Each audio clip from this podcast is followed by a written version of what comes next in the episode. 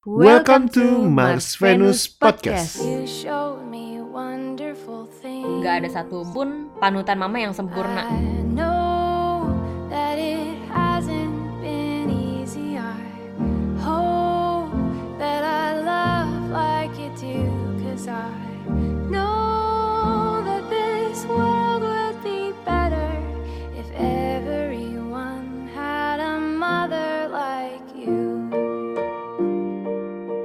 Udah akhir tahun aja.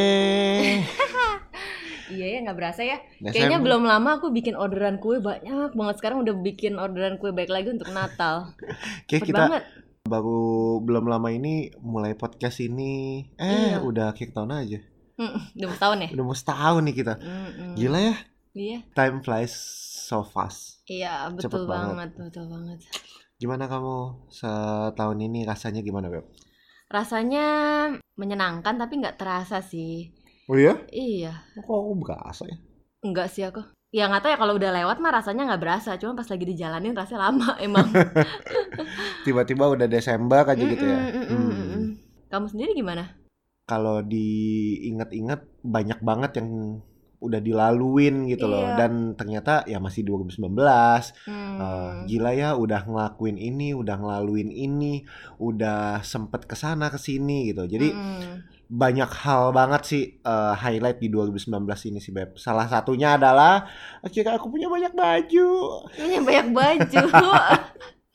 ya itu Highlight. salah satu highlight 2019 aku karena aku nggak pernah beli apparel. Apparel itu kan eh, ada baju, celana, sepatu itu sebanyak 2019.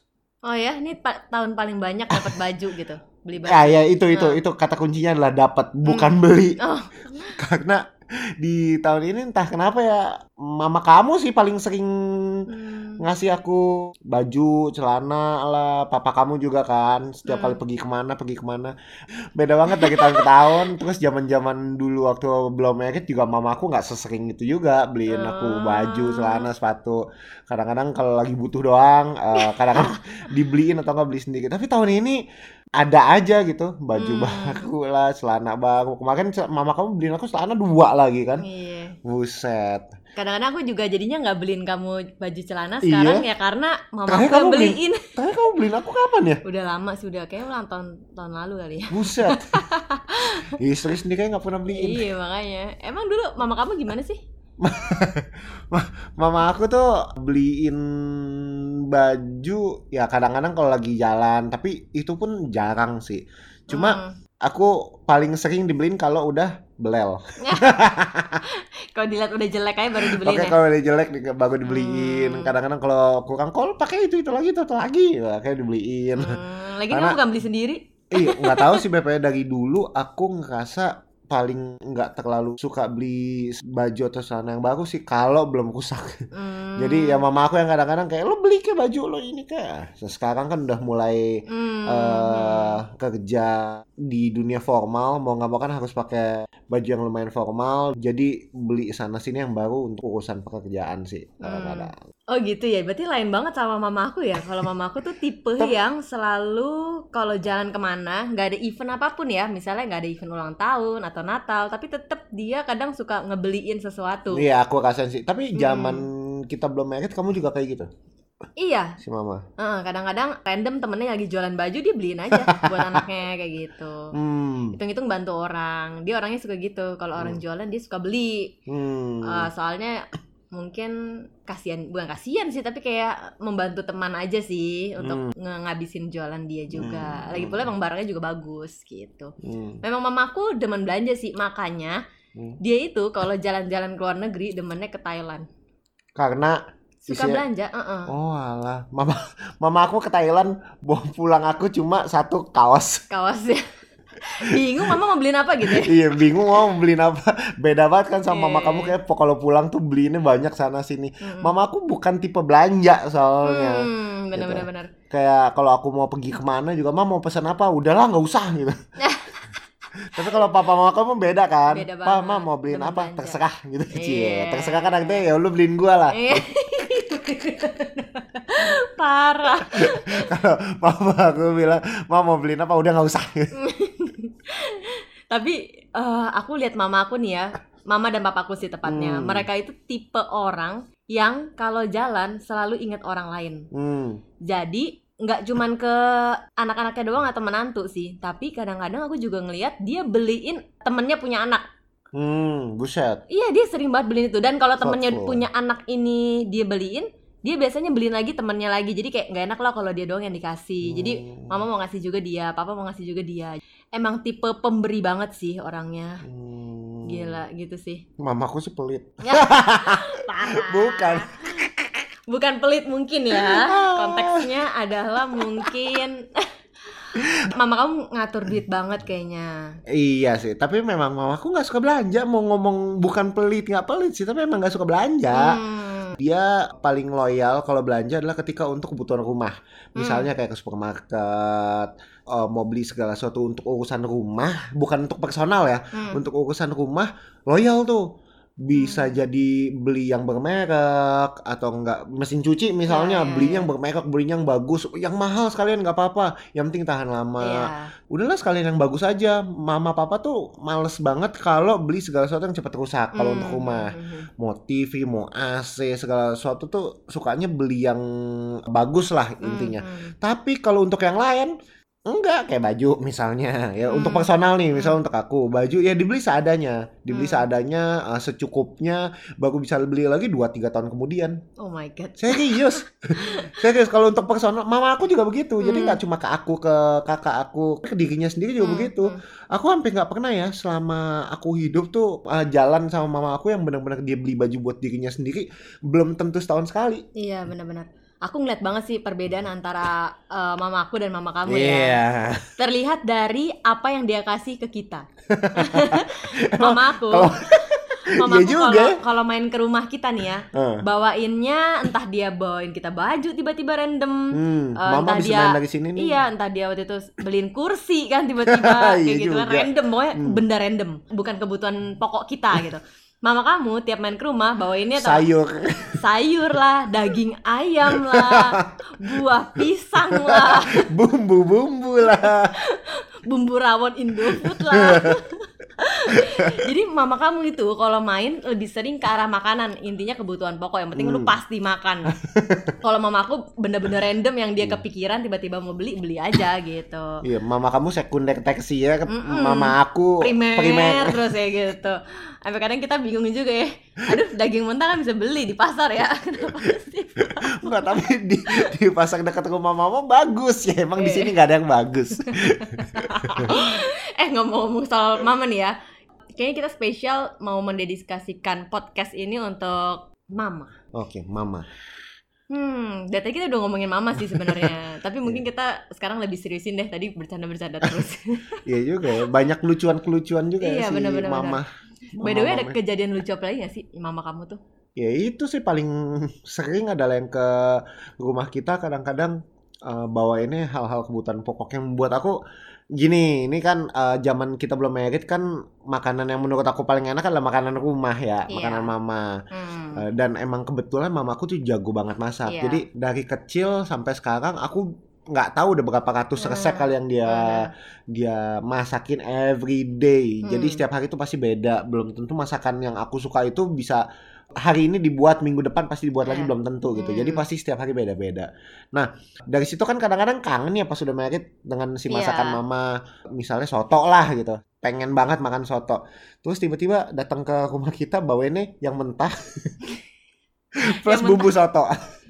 Jadi masa suruh masak sendiri ya Terus kayak ya ampun maaf padahal masakan Teca masakan mama pasti sotonya beda gitu. iyalah pasti Walaupun- mama kamu lah Walaupun walaupun dikasih bumbunya sama Hmm. gitu. Itu kadang-kadang aku lucu ya elah mah beli beliin kentang ini kentang mentah gitu Iya, kadang-kadang iya, iya. daging mentah ya lah di sini juga ada kalau Iya. kalau mentah-mentahan gitu. ini mungkin aku perjelas ya yang kita harapkan itu sebenarnya adalah Masakan eh, mama aku udah masakan yang udah jadi tinggal kita angetin, benar Hmm, gak? ya jadi kalau mama, mama kamu, dengar.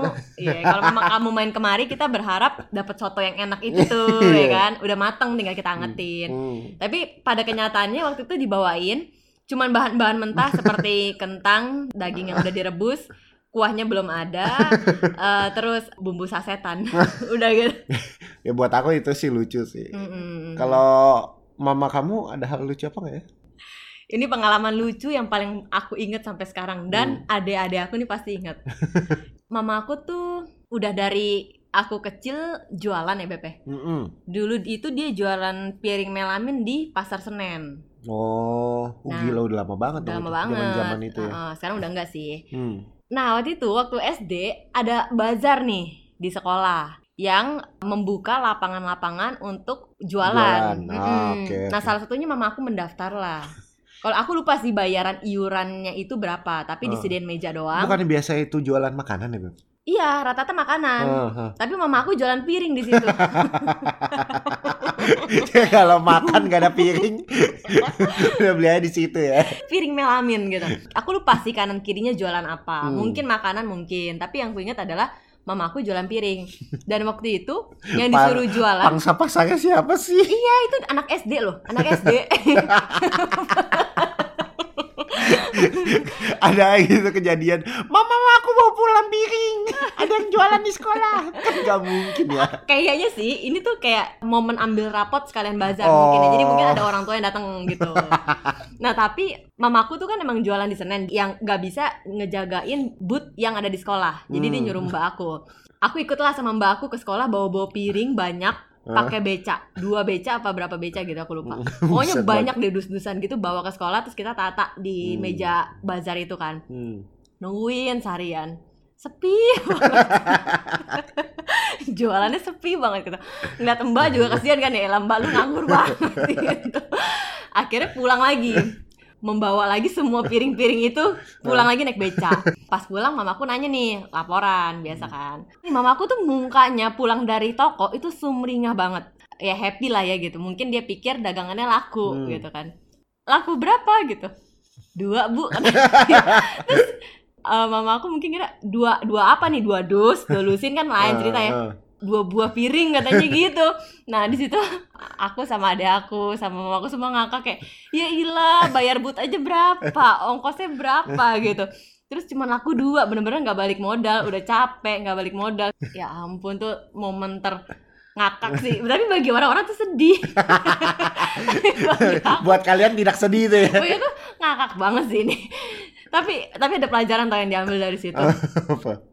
Ya aku ngeliat mamaku tahan banting aja sih dia Hmm. bisa menertawakan kerugian-kerugian yang terjadi dalam hidup dia gitu.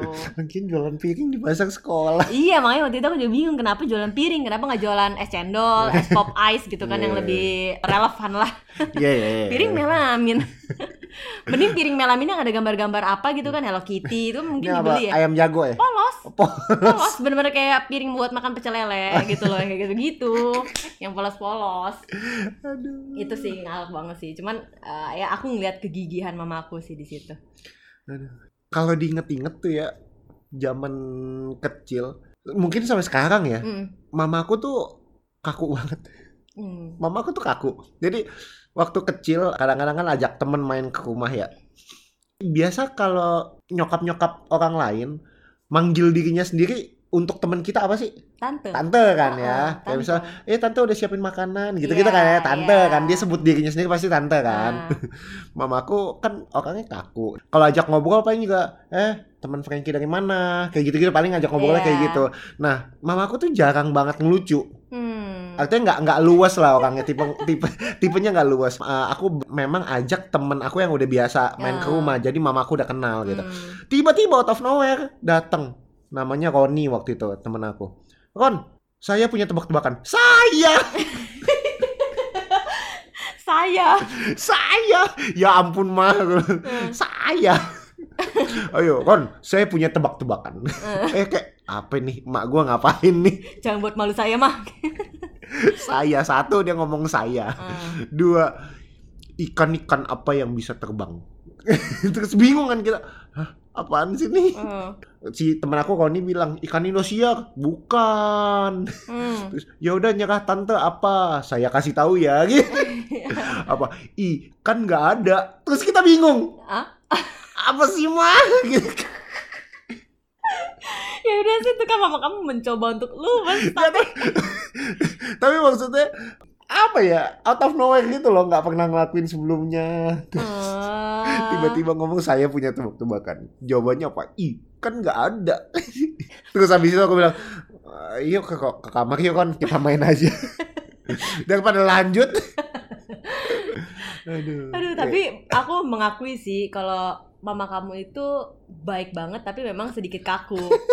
Makanya waktu pertama kali kita kenal pun aku agak bingung sebenarnya untuk Oh, iya, iya. membuka pembicaraan gitu. karena mama aku nggak pernah buka pembicaraan kan ya Nah aku tuh dalam hati ketar-ketir nih diem ini setuju nggak sih sebenarnya gitu. Hmm. Tapi ya sebenarnya mama kamu baik banget sih. Cuman memang cara dia menghandle atau berkomunikasi beda aja gitu. Hmm. Aduh, tapi pasti ada dong Beb hal-hal yang kamu kagumin lah dari mama kamu. Ah, kagumi ya banyak lah. Aku rasa nggak ada satu pun dari orang kebanyakan itu Hmm. yang nggak belajar sesuatu dari nyokapnya. Seperti apa pun tipe nyokap, Hmm. pasti ada hal yang dipelajarin gitu. Betul. Ma- Makanya kan banyak orang yang sedih kalau ngomongin soal nyokap. Gue sayang banget sama nyokap gue, Hmm. terlepas apa pun yang dilakukan gitu. Ya, tapi kalau buat aku, mama aku keras sih.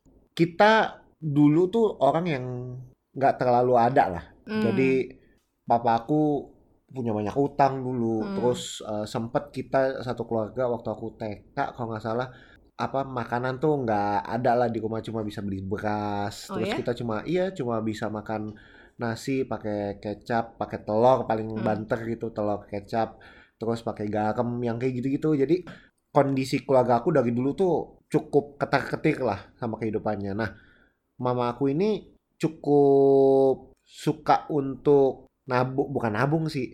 Apa ya, ya nyimpen duit lah. Dia dia selalu bilang ke depannya nggak boleh susah lagi kayak gini. Hmm. gitu. Makanya mama aku tuh sempet sering nabung-nabung banyak hal lah. Nah, papa aku adalah tipe orang yang cukup boros lah. Hmm. Jadi dia terima duit, kadang-kadang dia nggak tahu jumlah uang yang dipunyain berapa sih. Kadang-kadang ya keluar keluar aja. Dan Hmm. loyal kan, papaku loyal. Mungkin karena pengen dilihat baik sama teman-temannya, kadang-kadang dia pergi sama teman-temannya dia yang bayarin. Hmm. Nah, mama aku dulu kesel banget. Kayak lo tahu nggak sih lo duit lo tuh dia tinggal berapa? Lo kok seenak jidat langsung keluarin duit buat sana sini gitu. Hmm. Nah, tapi papa aku sampai dalam masa-masa hidupnya memang dikenal sebagai orang yang baik, loyal sama orang lain. Terus kalau ada masalah orang lain dia langsung ke sana kasih duit lah dan lain sebagainya. Tapi ya sekali lagi karena keluarga kita mulai sekat, jadi mamaku tuh cukup banyak nabung lah Hmm. gitu. Nah, dari situ aku sebagai anak-anaknya ngerasa bahwa ini kok si mama pelit banget ngeluarin duit gitu. Kayak mau mau beli ini, mau beli itu kayaknya nggak ada gitu. Sekolah ada aja duitnya. Hmm. Terus kadang-kadang kita mikir, kok ini buat ini ada, buat ini ada, buat itu ada. Emang yang buat ini, buat itu itu adalah kebutuhan primer sih. Tapi kok kalau aku mau beli mainan bilangnya nggak ada yang kayak gitu-gitu. Oh. Terus kayak TV udah rusak, mau Hmm. beli TV baru kok nggak ada duitnya. Tapi ternyata yang semakin ke sini aku semakin ngerasa ya memang duitnya sebenarnya ada, tapi tidak diprioritaskan untuk hal-hal yang sekunder maupun tersier Iya. gitu. Nah, yang aku belajar adalah mamaku pinter banget ngatur duit sih. Mama aku dulu sempet sering banget diomelin sama papa aku bilang kayak masa iya sih nggak ada duit? Masa iya? Sini gue lihat. Kan mama aku waktu itu kan pegang duit semuanya. Jadi papa aku sampai cari-cari eh, ke laci ke mana tuh nggak ada. Dan mama aku tuh nggak sempat ngomong. Gi- mama tuh ngumpetin duit. Karena kalau nggak nih duit bakal habis sama bapak lo Hmm. gitu. Jadi ya begitulah eh, seka- sampai sekarang aku benar-benar belajar eh, gimana caranya mama aku tuh luar biasa untuk ngebiaya, bukan ngebiayain ya, memanage uang lah supaya biaya-biaya kita di masa depan tuh eh, bisa tercover dengan baik. gitu. Hmm. Dan papa mama aku kan juga bukan lulusan bagus ya. Maksudnya papa aku cuma lulusan SD, mama aku tuh sempat SMP katanya tapi nggak nggak lulus SMP Hmm. juga. Nah, aku sama ciciku itu adalah dua orang pertama yang pernah menginjak kaki SMA di keluarga Oh. gitu. Dan kami berdua juga anak yang berhasil diluluskan S1 Hmm. eh, oleh keluarga yang bahkan SMP pun nggak lulus gitu. Jadi Hmm. mama aku selalu bilang gila kalau mama tuh nggak nggak bisa pinter-pinter jaga duit, ngatur Hmm, duit, hmm. gimana caranya kita bisa mastiin kalian berdua tuh lulus gitu. Jadi Wow. ya itu yang aku banggain sih sebenarnya. Hmm. Aku lihat sih betapa mama kamu tuh pinter banget untuk nyimpen duit Hmm. meskipun di mata anak-anaknya atau mungkin di mata orang lain dia pelit. Hmm. Tapi sebenarnya dia benar-benar jaga itu untuk bisa menghidupi kamu Hmm. sampai kamu dan cici kamu tuh lulus Betul. dan bisa kerja di tempat yang menurut dia lebih worth it dibanding Hmm. apa yang dia lakuin dulu. Hmm. Itu sesuatu yang aku kagum banget sih dari mama kamu. Hmm. Soalnya aku juga tahu mama kamu tuh dari dulu kan ibu rumah tangga. Memang Hmm. dari dulu sempet menjahit, Ya, ngejahit. tapi kan udah enggak lagi ya. hmm. Dengan kondisi nggak ada pekerjaan, Hmm, Plus- penghasilan tetap lah. iya, plus papa kamu yang entah juga mendapatkan uang dari mana, Hmm. tapi dia bisa menghidupkan kalian semua Hmm. sampai kalian lulus. Hmm, betul. Itu sih yang yang luar biasa. Bahkan mungkin dia berkorban mengorbankan keinginannya dia. Mungkin dia juga pengen shopping-shopping sama mamah-mamah lain, ya kan? Nah iya itu yang aku bilang Eh, mungkin karena konteksnya adalah mama aku ngerasain dari zaman dulu itu nggak ada duit sehingga kalau ada duit pengennya tuh disimpan Hmm. supaya apa supaya masa depannya bisa lebih baik. Iya. Nah yang kadang-kadang impactnya ke aku adalah kan zaman berubah nih. Iya. Kadang-kadang yang aku pikirkan adalah ada duit. Ah, perlu nggak disimpan perlu. Cuma kan ada ada beberapa bagian juga yang harus kita nikmati. Iya. Nah, kalau aku dari dulu nih dari Hmm. pertama kali aku dapat duit pertama kali dari Hmm. kerja, aku nabung, aku kan punya dua tabungan waktu itu. Tabungan emang untuk masa depan, untuk dana darurat gitu lah. Sama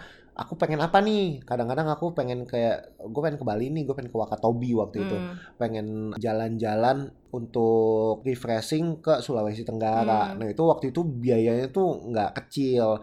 Aku nabung Hmm. di luar dana darurat Hmm. aku. Aku memang bikin tabungan khusus untuk Iya. pergi ke Wakatobi. Nah, aku bilang sama mama aku, "Ma, aku nanti tahun depan mau ke Wakatobi ya." Aku cerita lah, aku udah ada tabungan buat pergi ke sana. Nah, mama aku bilang, "Ngapain sih lo jalan-jalan mulu? Buang-buang duit aja." Nah, Iya. Pemikiran itu nggak nyampe di aku Hmm. karena aku ngerasa loh ini nggak buang duit ini emang gue sengaja investasiin untuk diri gua gitu Iya. karena aku pengen eh, duit yang aku terima nggak cuma sekedar Ditabung. cuma ditabung Hmm. tapi aku mau nikmatin Ya. lewat hal-hal yang memang aku udah impiin gitu tapi di konteks mama aku mama aku kan hidupnya berat waktu itu Iya. dan nggak ada duit jadi sehingga kalau ada duit apalagi sekian juta ya mendingan lo simpen lah buat Hmm. nanti lo mau sekolah lagi kayak mau apa kayak nah dia selalu Hmm. bilangnya itu Hmm. dia mama aku sama aku tuh se- sering berantem kalau mama aku tahu aku jalan-jalan Oh. ya kayak lu jalan-jalan mulu lo buang-buang duit aja selalu itu dia bilang Ah. ma tenang aja tabungan ada ini nggak pakai duit tabungan gitu Hmm. tapi kan konsep tabungan dan duit jalan-jalan buat mama aku kan blur tuh Iya, betul. kayak lo kan jalan-jalan berarti pakai duit tabungan dong Iya, gitu iya, iya. Padahal buat aku, nah duit tabungan ada sendiri nih, Hmm, duit hmm. jalan-jalan ada sendiri. Hmm. Nah itu blur. Nah mama aku yang selalu ingetin, ya sekarang sih udah nyerah gitu Iya. maksudnya kayak, eh, ya udah lu jalan-jalan, tapi ingat eh, nabung, ingat nabung Iya. gitu. Jadi mama aku selalu kata kunci dari duit yang aku terima adalah mama aku selalu ingetin eh, jangan lupa nabung, Nabung. nabung. Hmm. Itulah yang buat aku sekarang selalu nggak kompromi dengan potongan gaji untuk dana darurat, Hmm. artinya untuk tabungan Mhm. pribadi gitu, untuk tabungan kita itu aku nggak kompromi itu selalu aku kasihkan setiap kali gajian. Hmm. Aku selalu diajarin untuk nabung gitu. Tapi Hmm. aku juga belajar untuk nggak pelit, nggak Yes. pelit ter- terutama buat diri aku sendiri ya. Iya. Gitu. Hmm. Itu sih. Kamu dong cerita. Apa ya? Kalau yang aku pelajari dari mama ya, Mm-mm. banyak banget yang dipelajarin sih. Hmm. Cuman yang paling berkesan adalah gimana besarnya hati mamaku untuk mengampuni orang. Hmm. Itu buat aku kayak wah gila sih loh. Kayaknya udah terlalu nyakitin aja masih bisa ngampunin gitu. Hmm. Ini mungkin aku cerita konteksnya kali ya. Kan eh, aku dari keluarga broken home, terus Hmm. si mama ini kan akhirnya menikah sama papa yang sekarang kan. Mm-mm. Itu waktu aku SD mungkin. Hmm.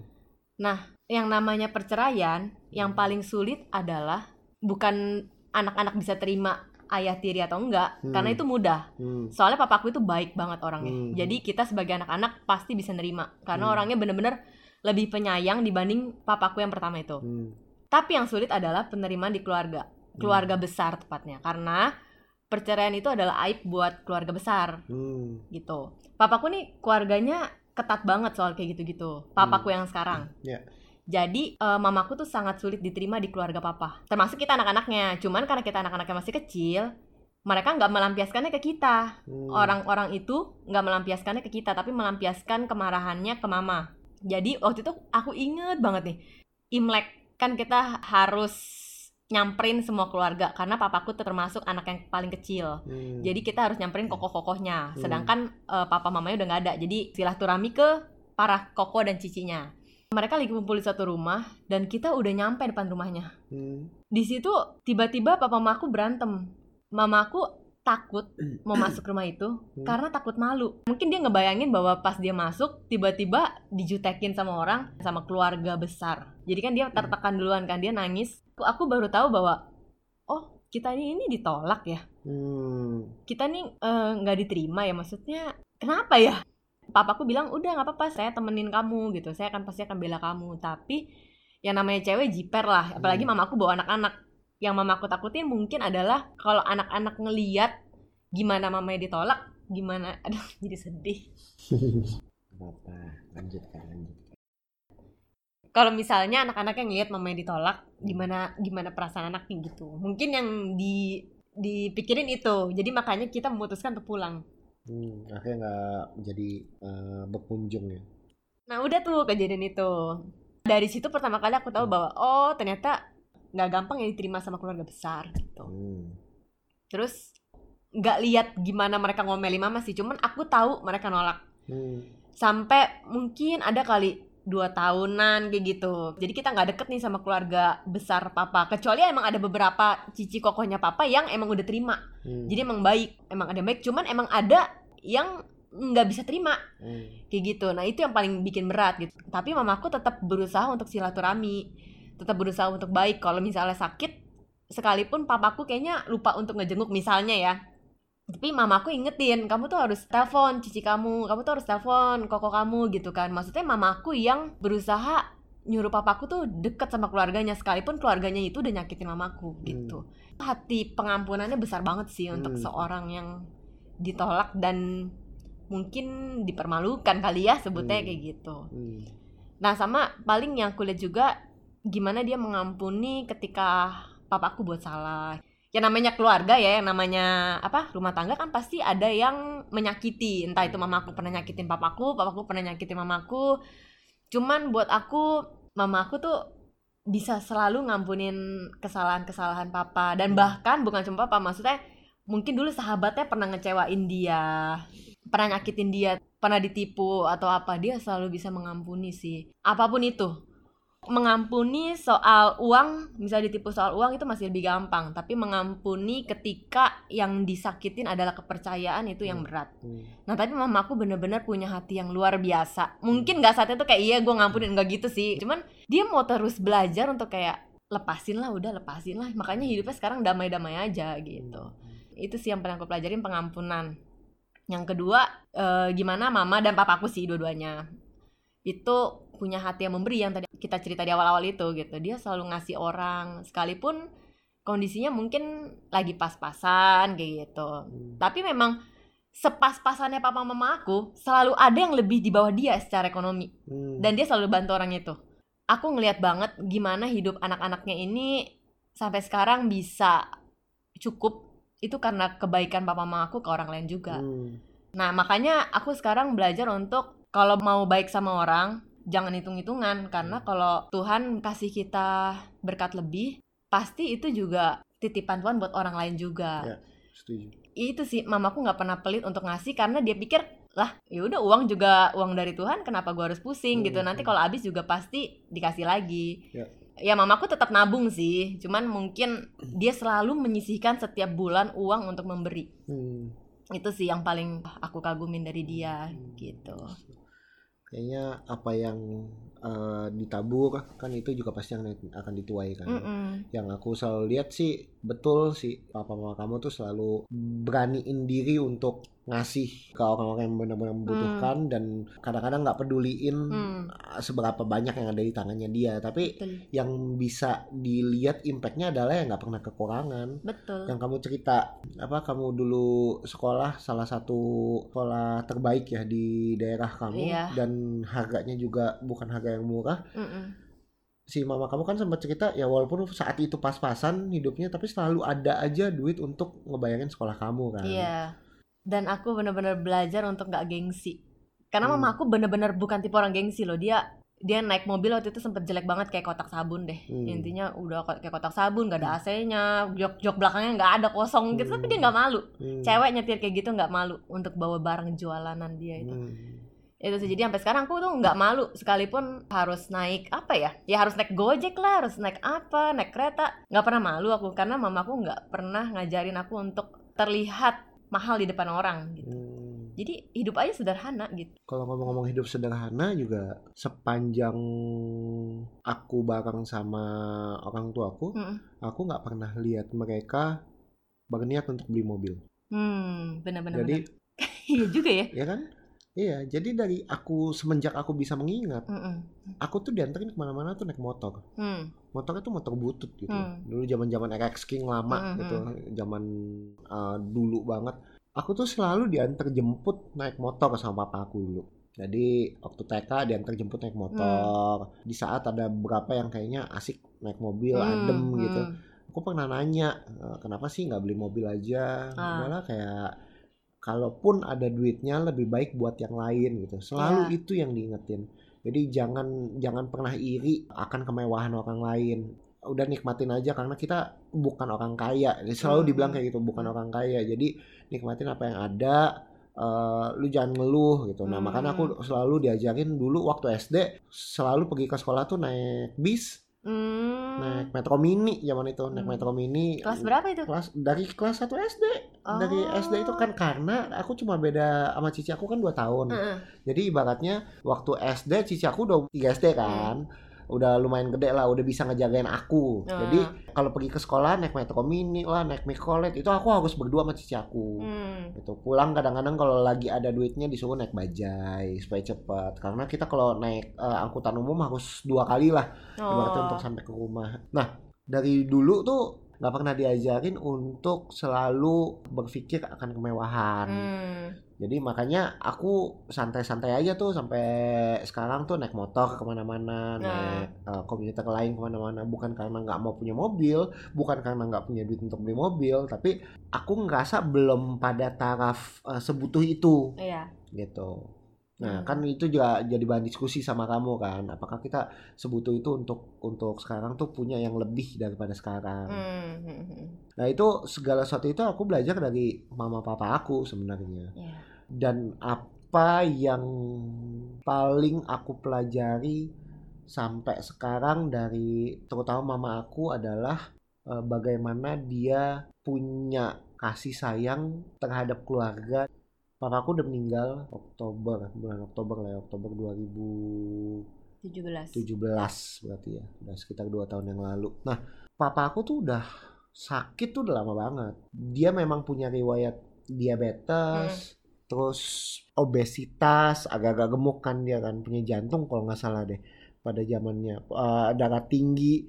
Jadi papa aku tuh punya riwayat sakit lah Hmm. ibaratnya. Nah, mama aku tuh selalu yang jadi polisi di rumah Hmm. kalau makan ditakerin eh, minum yang manis udah nggak boleh ada di kulkas rumah yang kayak gitu gitulah jadi Hmm. mamaku yang nakarin di setiap kali masak dia tahu lah buat papaku yang kayak gimana nah kadang-kadang papaku yang bandel Hmm. entah makan di luar entah gimana nah singkat Hmm. cerita banyak jatuh sakit lah dan akhirnya masuk rumah sakit nah yang Hmm. paling parah kan sebelum meninggal Hmm. satu tahun sebelum meninggal papaku ibaratnya kayak kakinya sempat kepentok Hmm. terus papaku nggak agak nggak sadar lah kakinya kepentok terus ternyata udah sakit membiru kan usut punya usut ternyata kakinya udah agak-agak sedikit mati rasa papaku jadi Hmm. waktu membiru dan sudah mulai membusuk mamaku baru tahu kayak loh kok gue baru lihat eh, kaki lu bisa segitunya gitu nah akhirnya bawalah ke dokter nah singkat cerita dokter bilang ini udah harus diamputasi jarinya Hmm. Ini karena diabetes itu ya. itu karena diabetes gitu nah Hmm. si mama aku bilang lo kok nggak pernah ngomong gitu Hmm. Nah, pokoknya di setahun itu adalah tahun yang berat sih buat kami sekeluarga. Hmm. Karena eh, mengetahui papa aku dioperasi dan karena dioperasi, jari kakinya dioperasi, itu kan dia nggak bisa jalan dulu kan. Mm. Nah, orang diabetes kan sembuhnya lama. Iya. Jadi yang tadinya bisa sembuh selama satu bulan, dia harus duduk di kursi roda tuh tiga bulan. Hmm.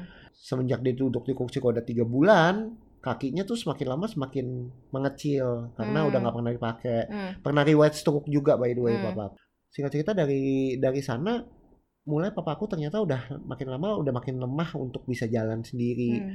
Nah, di situ justru aku lihat kesetiaan mama aku sih. Walaupun kadang-kadang mama aku ngeluh, capek, Hmm. karena dia ibu rumah tangga juga kan. Hmm. Ada cucu juga yang dia pegang karena cici aku udah punya anak dan Hmm.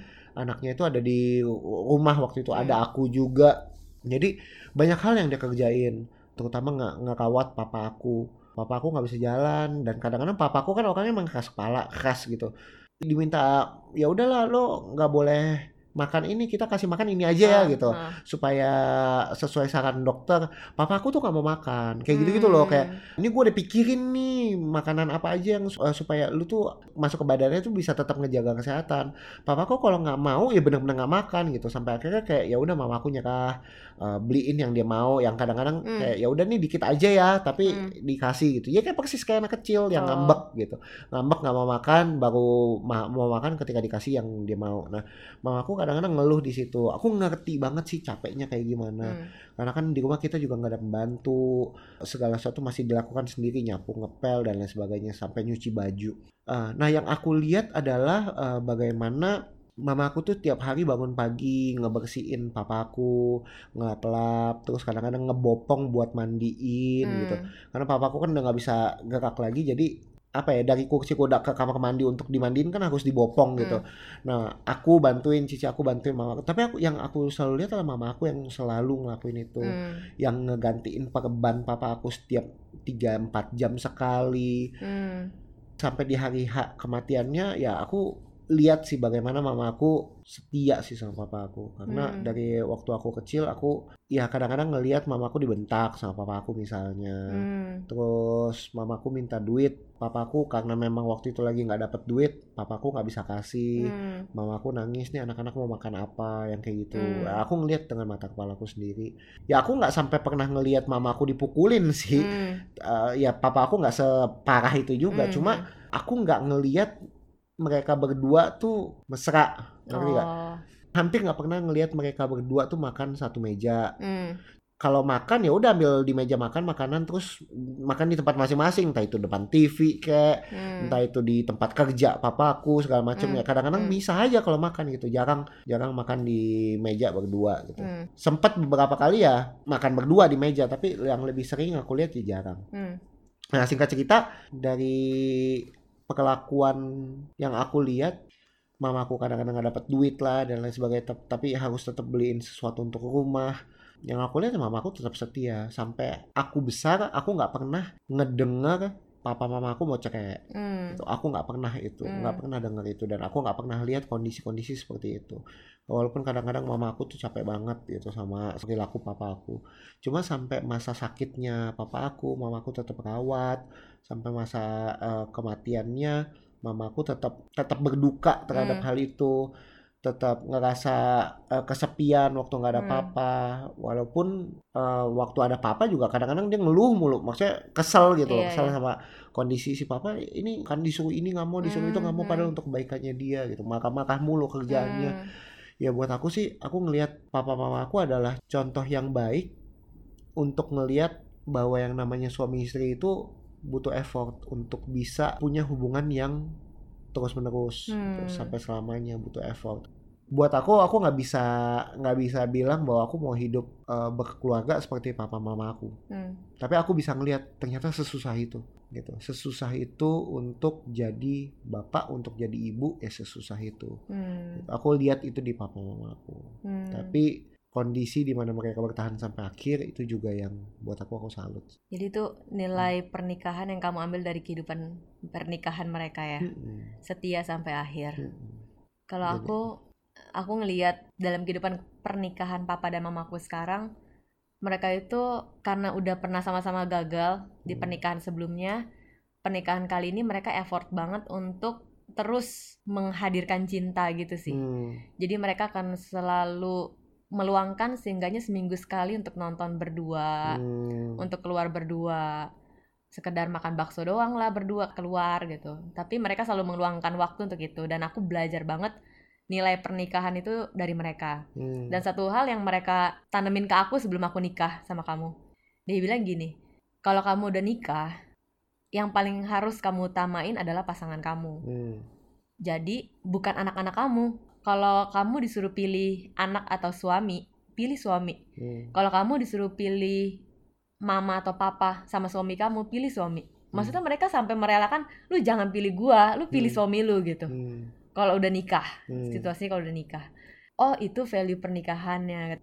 Yang harus dibela adalah suami gitu. Jangan mempermalukan suami atau membela orang lain dibanding suami di Hmm. depan orang lain itu. Hmm. Wow, strong value sih, Beb. Nilai-nilai yang bagus banget sih. Mm-mm.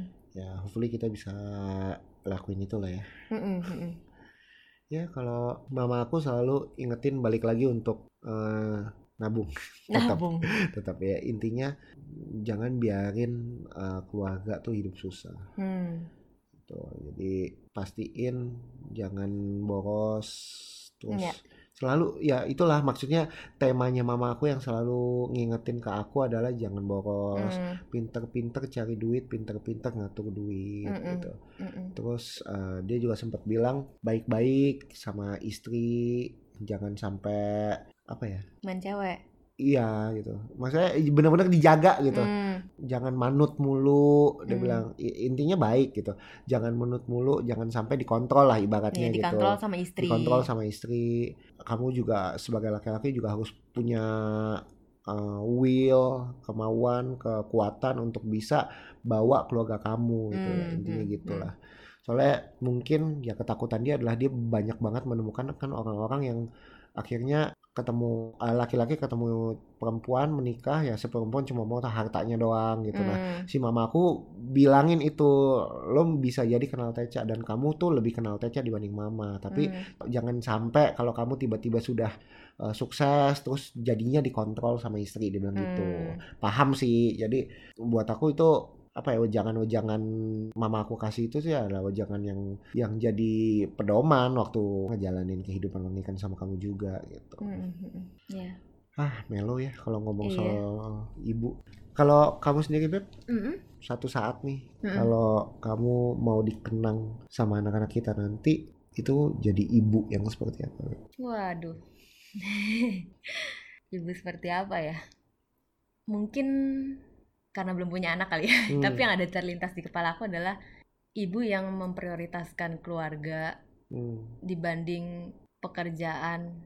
Terus ibu yang selalu support anak, ngedukung bidang apa pun yang anak aku akan suka nantinya. Hmm. Ini aku belajar dari mamaku juga sih. Mungkin cerita sedikit lagi nih. Hmm, hmm, hmm. Sebenarnya aku masuk jurusan kimia ini waktu kuliah itu juga atas pertimbangan papa dan mamaku. Hmm. Karena emang aku juga suka kimia sih. Tapi ternyata pada akhirnya kan sekarang aku kerja nggak sesuai sama bidang kuliah aku dulu. Hmm. Nah aku sekarang jadi bikin kue. Tapi aku nggak pernah ngeliat sedikit pun papa mama aku ngelarang aku untuk bikin kue. Meskipun kesannya kok gue sekolahin lu susah-susah, Hmm. tapi lu malah melenceng gitu dari apa yang udah gue kuliahin. Toh Hmm. nilai lu juga waktu kuliah juga bagus-bagus aja. Sebenarnya bisa bisa berkarir di situ. Mereka nggak pernah sekalipun kayak kantor lah gitu kan. Hmm. ke pabrik lah segala macam biar duitnya banyak. Pas aku bilang mah aku kayak mau jualan aja deh. Oh ya udah jualan dong gitu-gitu. Hmm. bahkan yang aku ingat adalah waktu itu aku mau beli mixer ya. Namanya belum belum bisa bikin kue mau beli mixer mahal lagi. Kurang ajar nggak sih? Tapi aku bilang mama diskusi. Akhirnya mama aku yang beliin itu mixer. Wow. Dan waktu itu aku beli oven. Dulu kan oven aku oven listrik. Hmm. percobaan berkali-kali gagal terus dan rasa kuenya tuh nggak gitu enak. Pakai oven listrik atau kenapa ya. Kayaknya bantet mulu bawaannya. Akhirnya aku mutusin mah aku mau coba beli oven gas nih gitu. Aku punya budget sekian aku bilang gitu. Eh ternyata harga oven gas itu dua kali dari budget aku. Dan mamaku ternyata yang menambahin sisanya. Kamu punya budget berapa mama yang tambahin? Hmm. terus habis itu kita ke pasar Senen beli loyang banyak banget Hmm. untuk aku coba-coba bikin kue. Banyak banget beli loyang loyang kecil-kecil lah yang aku nggak tahu tujuannya buat apa aku beli. Hmm. karena ya jaga-jaga aja lah buat simpen di rumah gitu. Akhirnya pakai uang mama aku dulu karena waktu itu aku nggak bawa cash. Hmm. nah habis itu aku ambil uang aku mau gantiin uang itu ke mama aku kan. Ma ini aku mau gantiin uang yang tadi gitu. Terus kata mamaku udah nggak usah yang penting kamu. Nah aku langsung nyaut gini yang penting aku sukses ya nantinya ya gitu. Terus dia bilang enggak yang penting kamu bahagia. Hah segitunya ya ternyata yang lu pengenin dari gue itu bukan sukses Hmm. yang mama pengenin dari aku itu adalah yang penting aku bahagia Hmm. kamu mau ngelakuin apa pun yang penting kamu bahagia gitu kerja itu jangan sampai dibikin sesuatu yang membebankan kamu tapi Ya. kerja itu harus membahagiakan kamu karena uang akan mengikuti apa yang kamu suka Hmm, dia bilang gitu. that's good. Itu sih yang paling aku pelajarin dari mamaku dan itu yang mau aku teruskan ke anak aku nanti. Jadi Hmm. apa pun yang anak aku nanti sekalipun dia salah jurusan nanti ya Hmm. mungkin dia mau ambil jurusan apa tentunya dia kerja apa gitu. Ternyata dia cuma kerja yang nggak sesuai ekspektasi aku. Ya udah jadilah apa yang kamu mau. Itu benar-benar aku pelajarin banget sih dari mamaku dan aku mau teruskan ke anak-anak aku nanti. Dan aku juga mau dikenal sebagai ibu yang sayang sama papahnya dia karena seperti yang kita tahu bahwa hadiah terbaik untuk anak-anak kita adalah pernikahan kita yang bahagia gitu sih Thank you sayang. thank you suatu saat kalau hari ayah kamu ya yang cerita I'm ready. Thank you sayang. Thank you dan terima kasih untuk mama. Ya. Terima kasih untuk semua ibu yang sudah membesarkan anaknya. Kalian adalah ibu yang luar biasa, mama yang luar biasa dan gak ada satupun panutan mama yang sempurna. Ya. Jadilah mama versi kalian sendiri, jadilah ibu yang terbaik buat anak kalian sendiri. Dan jangan lupa tetap bersyukur dan selalu ucapkan terima kasih uh, buat ibu kita sendiri. Seburuk apa pun, setidak sempurna apa pun, mungkin hal terbaik yang dia tahu adalah dengan cara tersebut dia bisa membesarkan kita Hmm. supaya kita jadi orang yang terbaik di masa depan kita sendiri. gitu. Mm-mm. That's it. Oke, Thank you. thank you. Intinya sih nggak ada ibu yang menginginkan hal yang buruk buat anaknya, ya kan? Betul. Jadi selama masih ada kesempatan, bahagiakanlah orang tua, ya nggak? Setuju. Karena nggak selamanya kita bisa punya kesempatan itu. Mm-mm. Happy Mother's Day. Happy Mother's Gave me a drawer in your kitchen. You gave me the room with a view of the yard. Whatever the hurt, you knew right where to kiss it.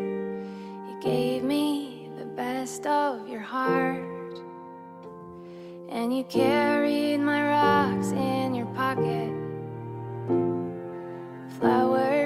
and feathers and butterfly wings. You had an answer for all of my questions. You showed me wonderful things. I